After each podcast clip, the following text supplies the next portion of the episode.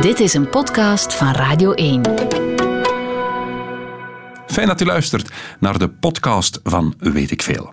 Deze uitzending gaat over schoenen. Radio 1.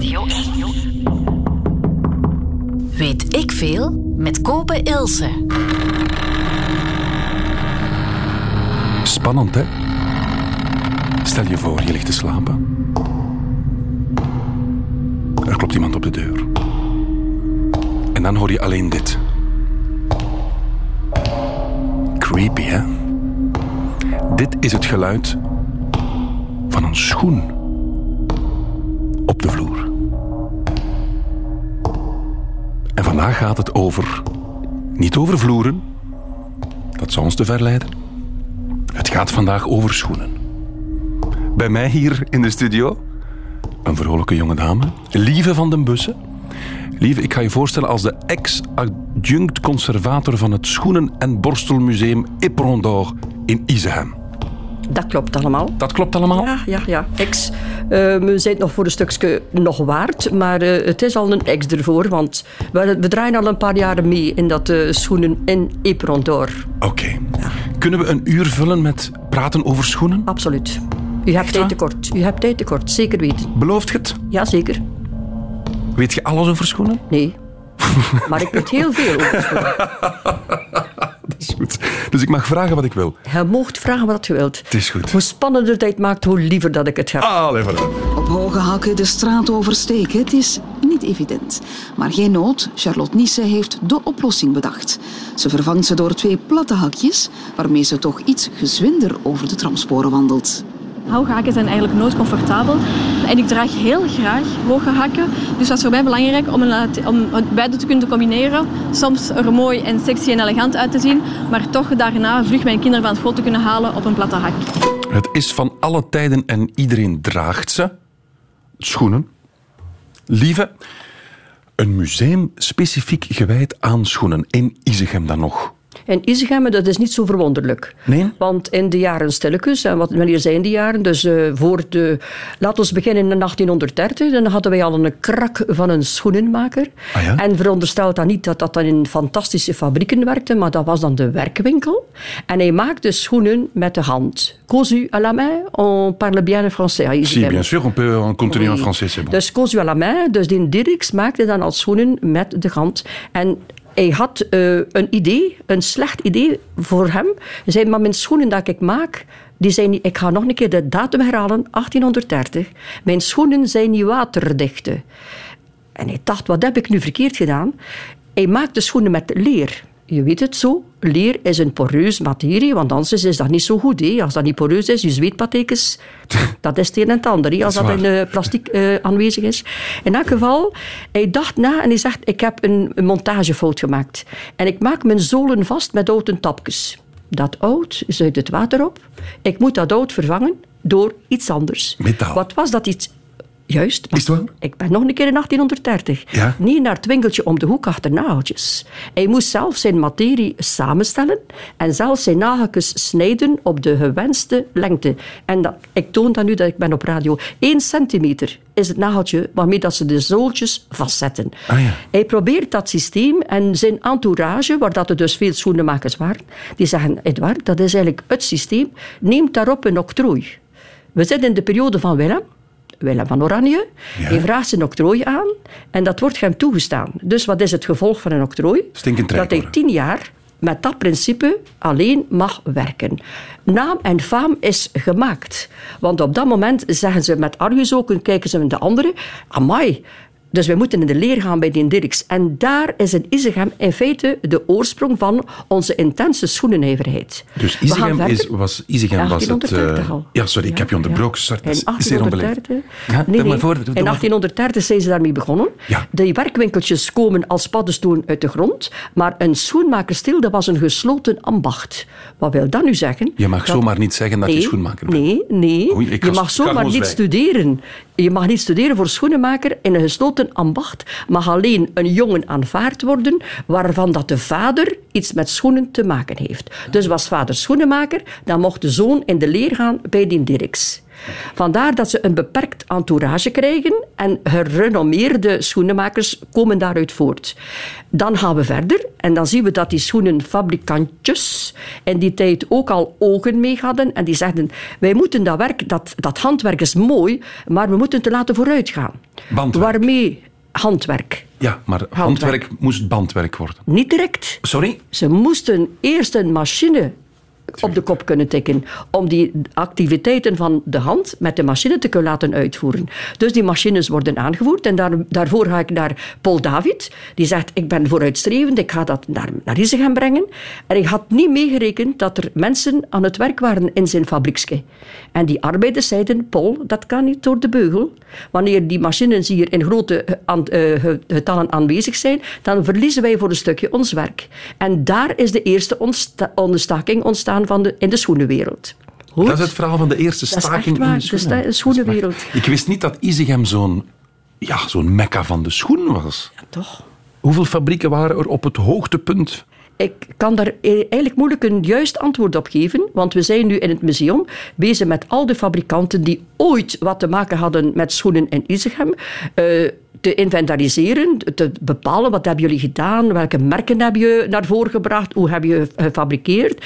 We zitten nu al zeker al aan 200 dossiers. Dus als hij nu zegt hoeveel schoenenfabrieken waren er, wel eigenlijk tamelijk veel, maar niet op eenzelfde moment. Okay. Dus we hebben een groei en die groei is kunnen doorgaan tot de jaren 70, mogen we zeggen, 1970, waar dat we dan de laatste sluitingen van de schoenfabriek hebben meegemaakt. Allemaal richting het buitenland, want dat is veel goedkoper produceren daar. Dat is uw antwoord. Nee, dat is toch de realiteit? Dat is, zou kunnen een antwoord zijn. Made in China is beter dan Made in.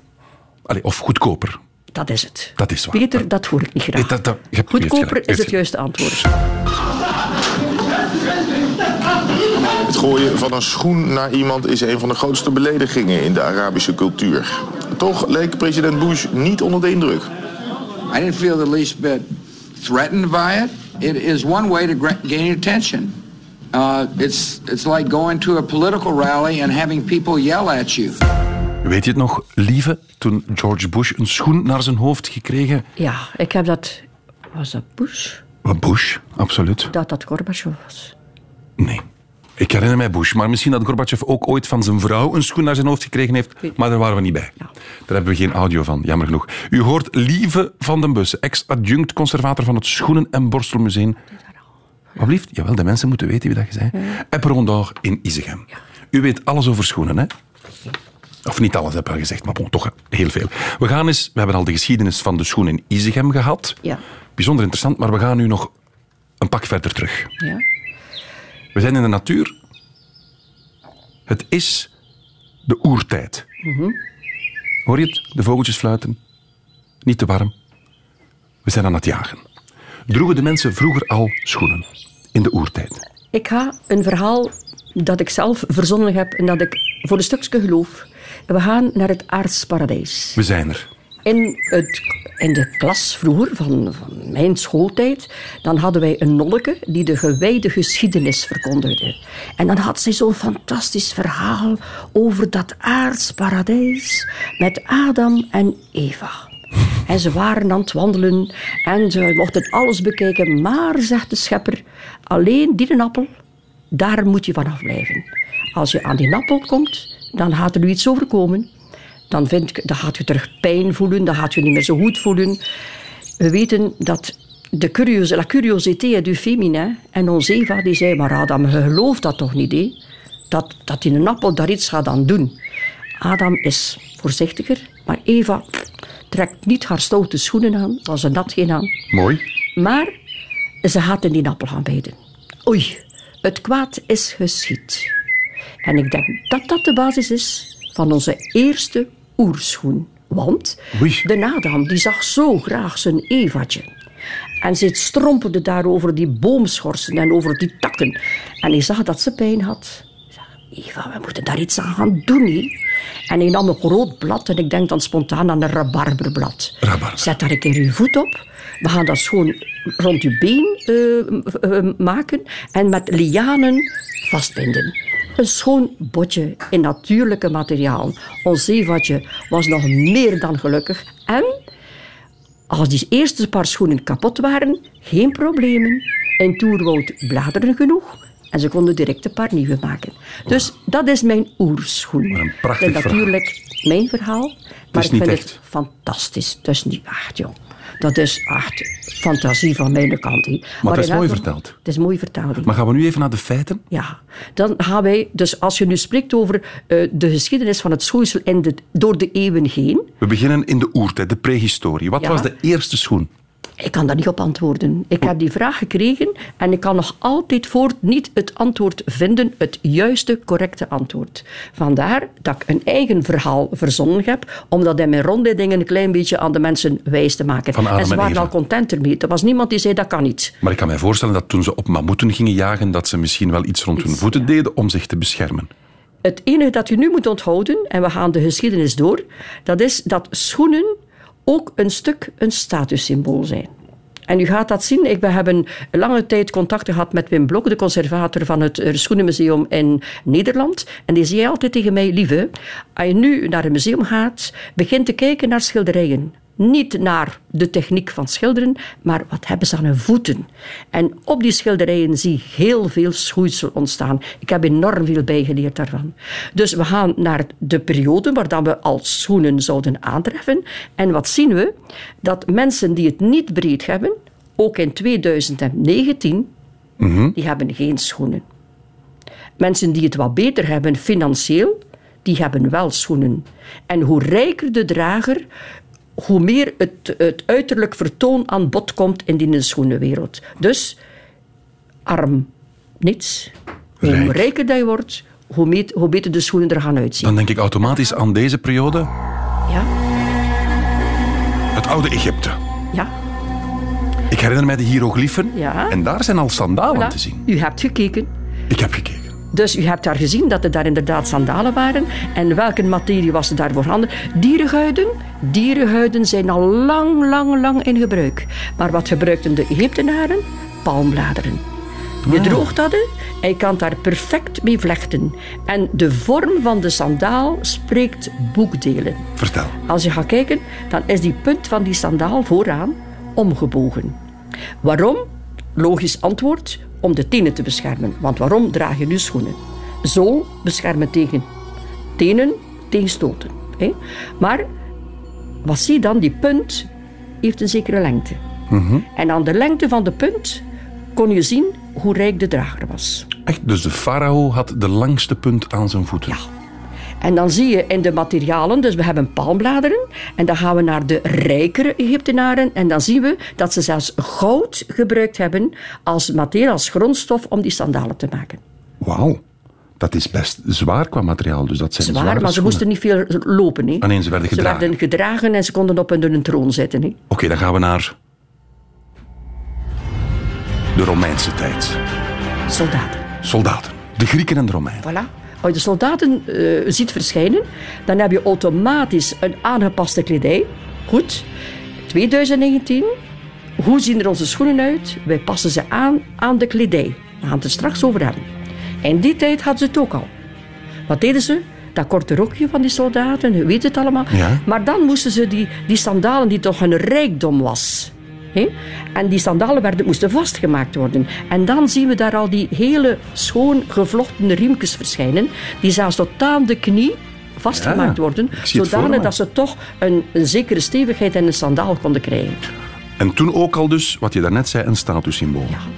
Voor de soldaten We gaan nu werkschoenen. 2019. Ja. We, gaan, we hebben nog maar juist onze paraten gezien van onze militairen. Ik heb gekeken, Ik niet. de militairen die hebben een de best geklede personen in België zijn momenteel onze soldaten. Is het waar? Want die hebben prachtige bottinen. Het verhaal zal ons te ver brengen, maar zij hebben prachtige schoenen aan. Oké. Dus leger is een waarde voor een land, ook bij de Romeinen. Dan gaan we naar de middeleeuwen. Dat is weer een rijke periode. En in de middeleeuwen hadden wij dus de dames, die, die wilden ook goed voorkomen. Hè? Dus in die middeleeuwen dan hadden wij uh, parade. Ik spreek nu weer over rijke burgerij. Ja, dus we ja. gaan iedere keer herhalen dat de armen dan ook in die periode niets hadden. Hè? Zij moesten maar als slaaf fungeren en zij hadden die schoenen niet nodig. En dan zien we daar in die periode de chopine eh, ontstaan. En wat is een chopine? Als ik dat toonde, want we hebben in het museum wel een hele mooie replica van die periode, dan hadden de mensen altijd als reactie, maar je kunt daar toch niet mee gaan? Nee, mensen, je moet daar niet mee gaan. Zijn je dat moet die gewoon- houten klompen zo? Ja, oh, heel, oh, Heel hoog, zo, ja. Dat, ja. Dat is wel 50 centimeter hoog. Dus hoe kun je daar nu in godsnaam mee gaan? Nee, je moet daar niet mee gaan. Het is gewoon pronken, je kledij tonen, wat heb je allemaal aan. Een keer je, je garderobe, dus je kleed open doen, zodanig dat ze ook de, de schoenen kunnen aanschouwen. En dat is dus een steltschoen of een staaschoen. Een chopine. Chiquer woord. Trippen Trippen. lees ik in Ja, mijn voorbereiding over de trip? middeleeuwen. Ja. Wat is nu een trip? In de, nu ga ik even eh, de land... Allez, we gaan naar de periode. We gaan naar de gotiek. De gotiek. En in de gotiek heb je die trippen en een soort pantoffel dat die mensen dragen, ehm, ook weer al een beetje als... Eigenlijk om de voeten beschermen, punt 1. Altijd blijft hetzelfde. De materie is heel eenvoudig en het is nog zonder zool. Dus het is gewoon samengevoegd, maar met een enorme punt aan die pantoffel. Die punt, dat is op den duur weer al rijkdom. Hoe rijker de drager, hoe langer de punt. Konden ze daar gewoon niet meer, dat is lachwekkend, dat je kunt voorstellen, met zo'n lange tjuttelwie aan uw pantoffel daarmee opstappen. Like, eh, een houding van een... Ja, wat doen ze? Ze hebben geld. En ze maken een kettingje vast aan de punt van hun pantoffel. En dat kettingje wordt dan omhoog getrokken, vlak onder de knie vastgemaakt. En op die manier konden ze opstappen. Voor de dames in kwestie die zo'n schoentjes hadden en eh, niet zo uitgesproken, de heer neemt er altijd een beetje hoger op had dan de dames. Eh, ja, ja, ja, je moet ze niet onderschatten. Niet seksistisch worden, Nee, nee, nee, nee. Maar in elk geval, die mannen die lieten dat eh, zich wel gevallen. En dan hadden wij al ook de lange ru- ruk, rokken. De jurken waren lang. En als wij nu een dame met een lange jurk zien eh, paraderen en ze moet de trap op, dan gaat ze dat altijd omhoog tillen. hè. Maar met dat gleufje die gemaakt werd door dat kettingske, dan konden zij dat, die, die rok laten vallen in dat gleufje en kon ze ongehinderd de trap op. Oké. Praktisch. We zijn ondertussen in de 16e en de 17e eeuw. En ik lees, de hoge hak wordt hier uitgevonden. Vertel, lieve, vertel. Ik Hoge hang aan uw die lippen. hoge hak. eh, we moeten naar de Zonnekoning, maar dat is een beetje ervoor. En je moet weer kijken naar schilderijen. Het is het moment, met al die reportages die je hoort op de radio, zijt je gedwongen om ook die, die Zonnekoning een keer te gaan bekijken. En die, die kledij met die hermelijnen, eh, versieringen op zijn jas. Maar zijn schoen. Ongelooflijk. Maar hij heeft een hak. En de mannen waren de eerste dragers van de hakken. Ja, Louis XIV, ik zie Voilà. het voor me. Ziet ze? Inderdaad. En die hak, dat had... Allee, als je nu een, een dame ziet met een hele platte schoen, dan komt dat er zo een beetje... Het woord is misschien niet juist gekozen, een beetje boertig voor. Zet diezelfde dame op een stiletto en van Zoe gaat die, die dame een andere houding aannemen. Gaat ze eleganter stappen. Dus in die tijd hadden ze het ook voor de heren gezien en zeiden ze, we gaan die heren voor de flinke houding op een hak zetten. En dat was niet alles. Die hak was voor die man een visitekaartje. Want die hak was rood gekleurd. En wie een rode hak had aan zijn schoen, dat was iemand van adel. Er is tegenwoordig toch ook een merk met een rode zool? Louboutin. Voilà, dat komt vandaar. Oh ja, we gaan Louboutin niet vergelijken met de tijd van toen. Oké, dat gaan we niet doen. We zijn weer wel wat verder. Want ze maken die, die schoenen van Louboutin al na. We gaan er niet in We lopen. gaan er niet in lopen. Nee. We zijn in de 18e, 19e eeuw. Ja? De sportieve schoen wordt ontdekt. Ja, ah ja, we beginnen dan sport te doen. Hè. En die sportieve schoenen, dat zijn dan de platte schoenen, de Molière, noem maar op. En ik zou misschien eh, willen stellen dat wij ook de, de platte schoenen krijgen, die moeten vastgemaakt worden. Dus de, de systemen om vast te maken, die komen daarvoor. Dus een De- veter bijvoorbeeld, veter. die komt eraan. Een knoppeke, dat komt eraan. Een knoppeke is dan voor de dames zet de heren niet met zo'n knoopjeslaarsjes op de baan. Maar die dames die gaan dat allemaal wel tolereren. En die hebben dan een speciaal haakje. En met dat speciale haakje kunnen ze die knoopjes dan door de knoopsgatjes halen. En kunnen ze dus ook op een snelle manier een schoenen aantrekken. Dus de esthetica van de schoen werd ook gewaardeerd. absoluut. Oké, en dan gaan we Aangepast muziekje aan dan eh, onze tijd. Ja, wat hebben we nu? Dat is een boeiende tijd. Vertel. We gaan regelrecht naar de winter. De winter. 2019. Hij Ja. komt eraan. Als dame die een beetje geïnteresseerd is in kledij, dan heb je nu al de etalages in de gaten. Wat biedt de winter van 2019 ons? Dames, u kunt de schoenen van verleden jaar gerust terug uit de kast halen. Is waar? Want we hebben bijna dezelfde mode, met een zwart gelakte schoen, een vetersluiting en een braugesysteem. Wat is een braugesysteem? Dat is een soort geperforeerde bovenkant, een schacht. Een schacht is de bovenkant van de schoen. En als er allemaal kleine gaatjes in zijn, heel typisch voor herenschoenen, dan noemen we dat ook weer al chic een brauge. Semi-brauge, full brauge. Uw Frans En dat- is goed? Maar ja, het is een harmonie om Frans te leren. Ja, ja, blijkbaar. Mag ik, mag ik even... Ja? U heeft zo'n schoenen aan, hè? Ja. Ik heb dat mogen zien. gezien? Bent u, zo, bent u zo lenig om het even te laten zien aan de mensen? Ja, dat Zo. kan niet. Ja, maar er is zo'n webcam. Gaat dat nog? Nee, nee, nee, je moet dat niet doen. Dat zijn mooie schoenen. Dus dat is mode tegenwoordig. Dat is mode. Doe mij wat denken zo aan de jaren 50. Ja, Zo. maar weer al, het neemt mij de woorden uit de mond. hé. Om de twintig jaar komt er een element terug. Ah. Dus nu zitten we weer in die periode. En nu gaan we weer, wat, wat gaan de dames nu willen horen? Wat moeten we dragen naast die platte schoen die een beetje boertig overkomt met een lange broek? Perfect. Ja. Maar de laarsjes komen eraan, dames. En we hebben 1, 2, 3, 4 soorten laarsjes. We gaan vooruit. Enkellaars, knielaars, lieslaars, kuitlaars. Dat zijn allemaal laarsjes die kunnen voorkomen. Welke hebben we ergens- nu? de enkellaars. Ah, de enkel. Deze winter. En heren, spitst uw oren. Want de laarzen die tot boven de knie komen van de dames, die staan er al. Heren, een lange laars betekent een kort rokske.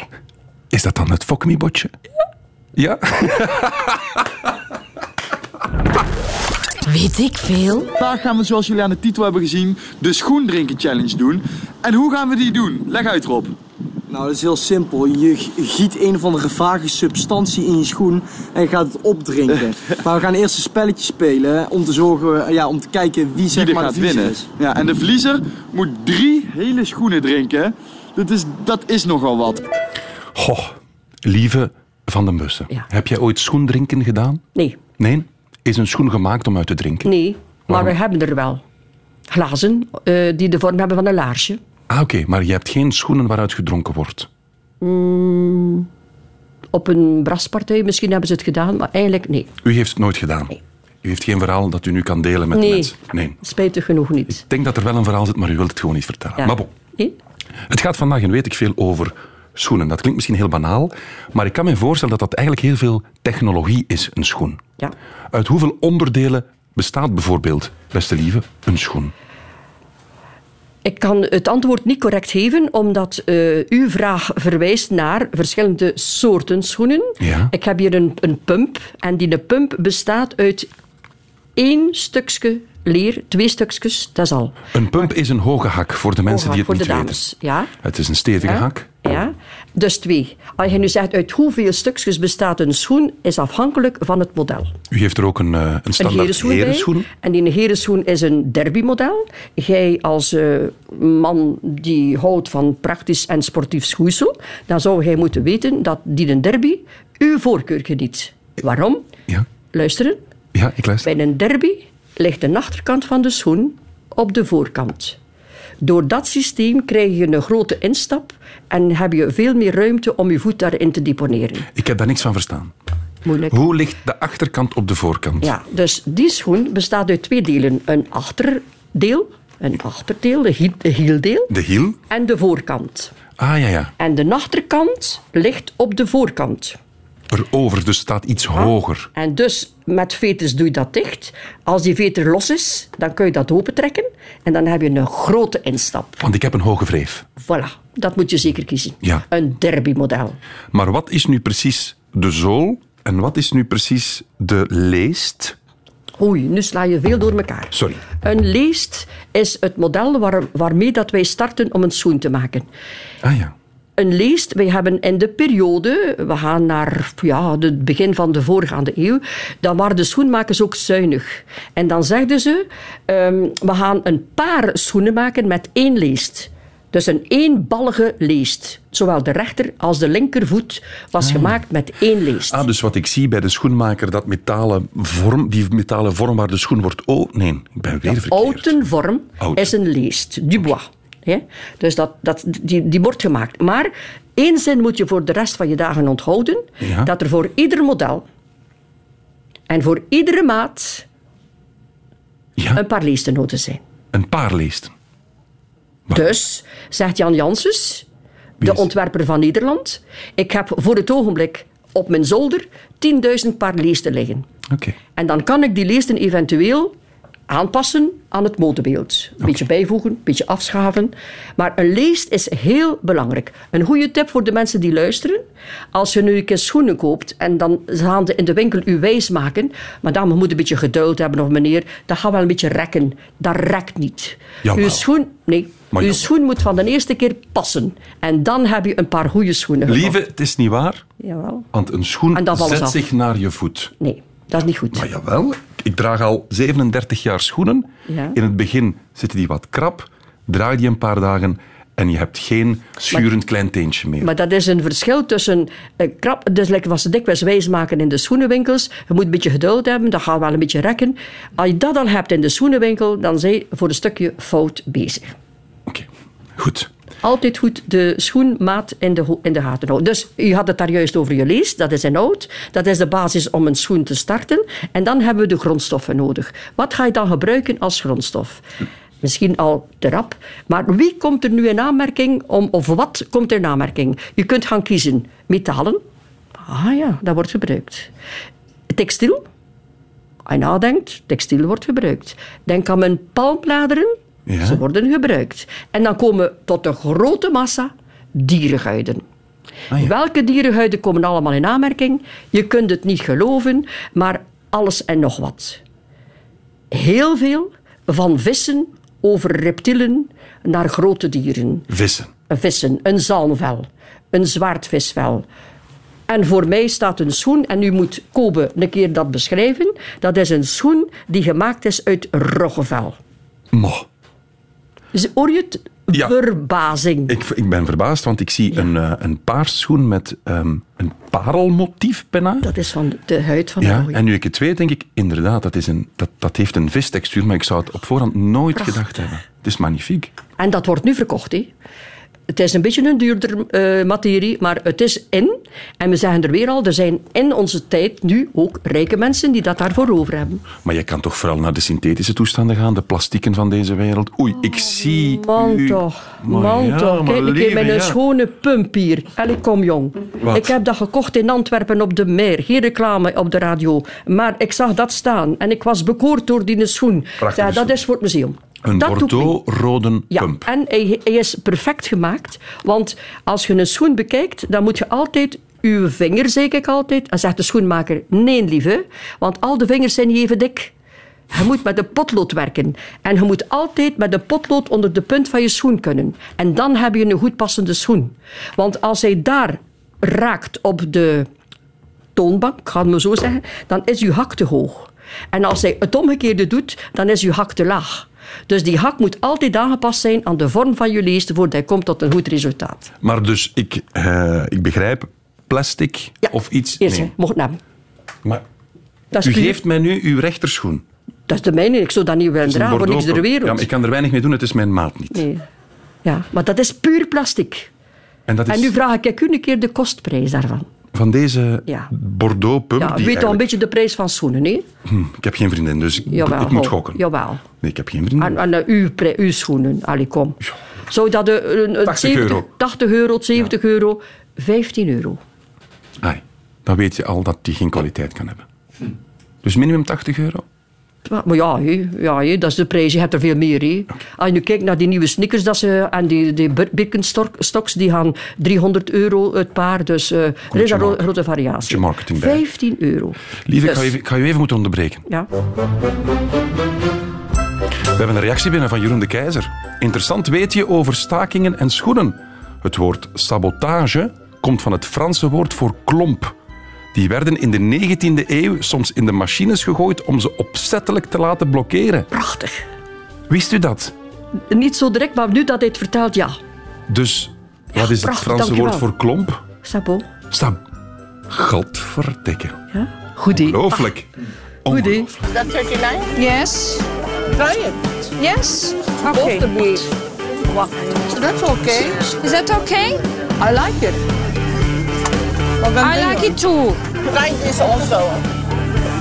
You should try some shoes also. Yeah, yeah, I'm trying that the same. Wow. Dalawang ganyan These are also very comfortable. Eigenlijk gaat ze van het ene schoenenkraam naar het andere. Echt waar.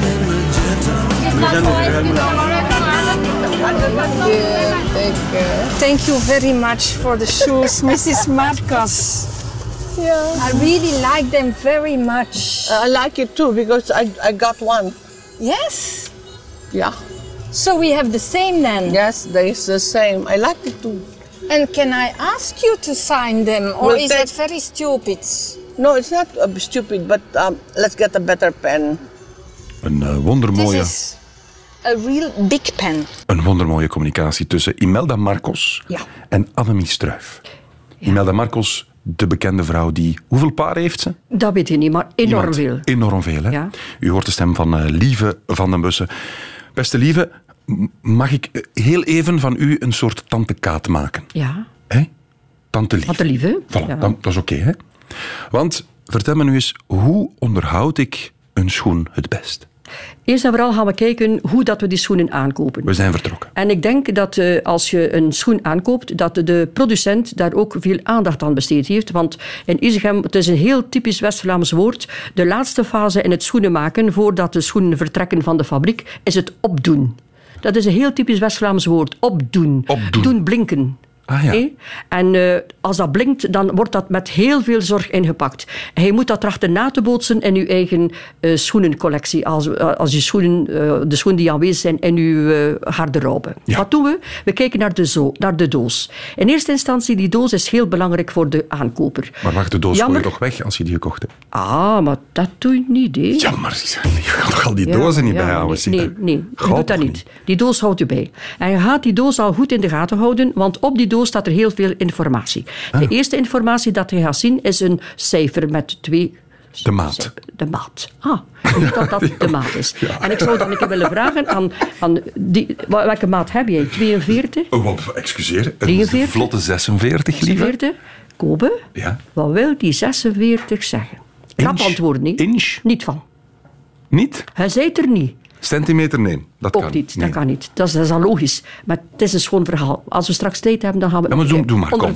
Alle Ja, regels over opbouw en structuur. We vergeten het, we vergeten Ja. onderhoud. Van waar komt de maat? De maat. Dus eh, op een bepaald moment hebben we gezegd eh, handwerk. Dus per persoon wordt er leest gemaakt, een paar leesten gemaakt, dan worden die schoenen per persoon gemaakt. Ja. De mechanisatie komt eraan. Wat komt er dan ook aan? De machines komen binnen, maar ook de reeksen, want ze moeten ze dat laten re- renderen. Dus van één modelletje maken ze een 36, 37 enzovoort. En ze moeten die eh, patronen, Mhm. eerste patroon maken, graderen. Als dat gegradeerd is, dan snijden ze, dan assembleren ze dat. En het verschil tussen, als je nu een, een steken, weer typisch West-Vlaams Isegems, als je een steken, dat is het verschil tussen een 36 en een 37. Hoeveel is dat? Als je dat, Wacht, als je dat 1 centimeter neemt, dan was dat te veel. Dan hebben ze daarop gezocht en gedaan en we komen dan met de Franse maat. En die Franse maat, en nu moet je even je wiskundige knobbel boven halen. Ze maken van 2 centimeter drie steken. Kobe, hoe groot is een steek?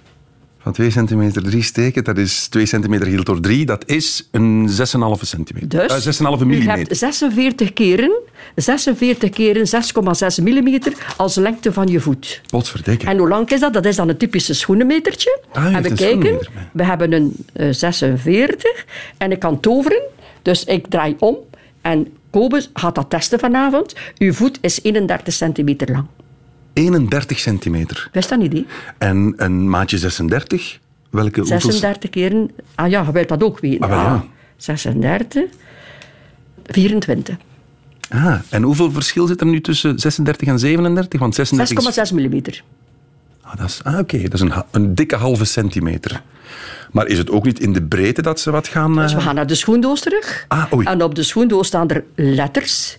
En dat gaat van B, C, D enzovoort. En dan moet je dat in de gaten houden, want u hebt al gezegd, ik heb een beetje een brede voet. Dan moet je Nee, nee, kijken... ik heb een hoge wreef. Een hoge wreef. Dat is iets anders dan een brede voet. dat is juist. Eh, dan moet je kijken naar die letters. Dus hoe hoger in het alfabet hij komt, hoe breder dat je schoen zal zijn. En Ah. de Duitse producenten hebben er nog altijd voor, dat ze nog altijd voor rekening houden met de breedte van de voet. Ik heb een beetje platvoet.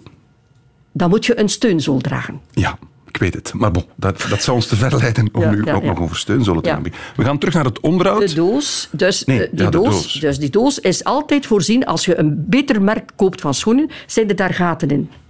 En die de gaten zijn dan niet meer voor de fantasie. Ja, dat is is gewoon waar. om een circulatie mogelijk te maken in je schoendoos. Dus, Kobe, je schoendoos doe je niet weg. Je winterschoenen gaan in de doos voor de zomer te overbruggen. En ze liggen in een heerlijke ventilatie in je schoendoos. Oké. En dat pa- papiertje er... Ja, en dat papiertje, dat is zijdepapier. En dat mag je nooit laten raken. Dus je moet je schoenen nooit inpakken in dat zijdepapier. Maar je schoenen top en ijs, dus de top en geschrankt. In Top en ijs. Top en ijs, zeggen ze weer in West-Vlaanderen. Je legt dat daar schoon in en dan eh, legt je dat papier daar heel eenvoudig rond. Dan mag, mag je de doos dicht doen en dat is het systeem om je schoenen goed te bewaren. Je hebt in de winter een regenbui achter de rug, je schoenen worden afgegooid als je thuis komt. Ah, bij de chauffage. Nooit doen. Je schoenen altijd traag laten drogen. Want als je ze snel laat drogen, gaan ze verharden. En dat mag niet. En dan heb je nog dat je moet je schoenen poetsen. Moeten. Regelmatig poetsen. En als je schone schoenen koopt, dan moet je altijd de schoensmeer kiezen. Het spuitbussen weert dat uit je... Maar jawel, tegen het vocht. Nee, doet dat niet. Maar je neemt de goede schoensmeer, de goede merken, met een beetje bijenwas of een beetje andere vetten erin. En je moet altijd de kleur nemen, een tikje donkerder dan je, merk, dan uw kleur van je schoenen. Lieve, kan je weer even moeten onderbreken, want... We hebben nog een, een aanhangsel bij ons verhaal over sabotage. Want we weten, sabot is klomp en sabotage kwam dus van de klomp Ja. die in de machine werd gegooid. François Pilier vult dat weet je aan. Saboteur, iets- klompen werden tijdens de oorlog gebruikt om de treinwissels voor, Duits trein, voor Duitse treinconvooien te blokkeren. Dat wist ik niet. Fantastisch, hè? Ja, en we zitten nu aan de, weer de Monumentendag. Ja. En we gaan dat in ons museum zeker kunnen gebruiken. Dank u wel, meneer. Ja, ik ga ook al vragen aan de opsteller van het examen om dat stil Ja, aan te brengen, want we hebben nog maar twee... Het is Ah, het is hier al. Oké, dan heb ik nog één vraag. Ja. Moeilijke? Lieve, hoeveel schoenen heeft u zelf? Bent u nu zelf ook een schoenenfetischiste? Nee. Nee. Nee. Ik heb er genomen van de 3600 die in het museum staan. En ik koester die schoenen, maar jong, het zijn pareltjes, zijn juweeltjes. Ik zou zeggen, allemaal naar Isegem toe. Want geen- daar hebben wij prachtige dingen. Niet veel reclame maken, dan krijgen we boetes voor. Ah ja, maar gaan we niet doen. hè. Hoeveel, hoeveel paar heeft u? Een stuk of tien paar toch. Dat is niet zo heel veel. Nee. Want een, een warme schoen, een Ja, een, een winterschoenen, winterschoen zo. zomerschoenen. Ja. En hoe lang doet u met schoenen? Lang, Ja? ja. Maar dat is lang in onze tijd, moderne tijd, is toch zeker vijf jaar. Nou ja, terwijl vroeger deden ze waarschijnlijk nog langer. een hele leven ermee. Oké, ik moet hier even van alles gaan klaarzetten, want heb ik goed geluisterd? Ik denk het wel, maar ik wil u niet teleurstellen, lieve. Dus we gaan beginnen aan het examen. Ja, vraag 1. Wanneer startte de schoennijverheid in Isegem? 1830. Tweede vraag. Waarom, waaraan kan je, kon je in het oude Egypte zien hoe rijk iemand was?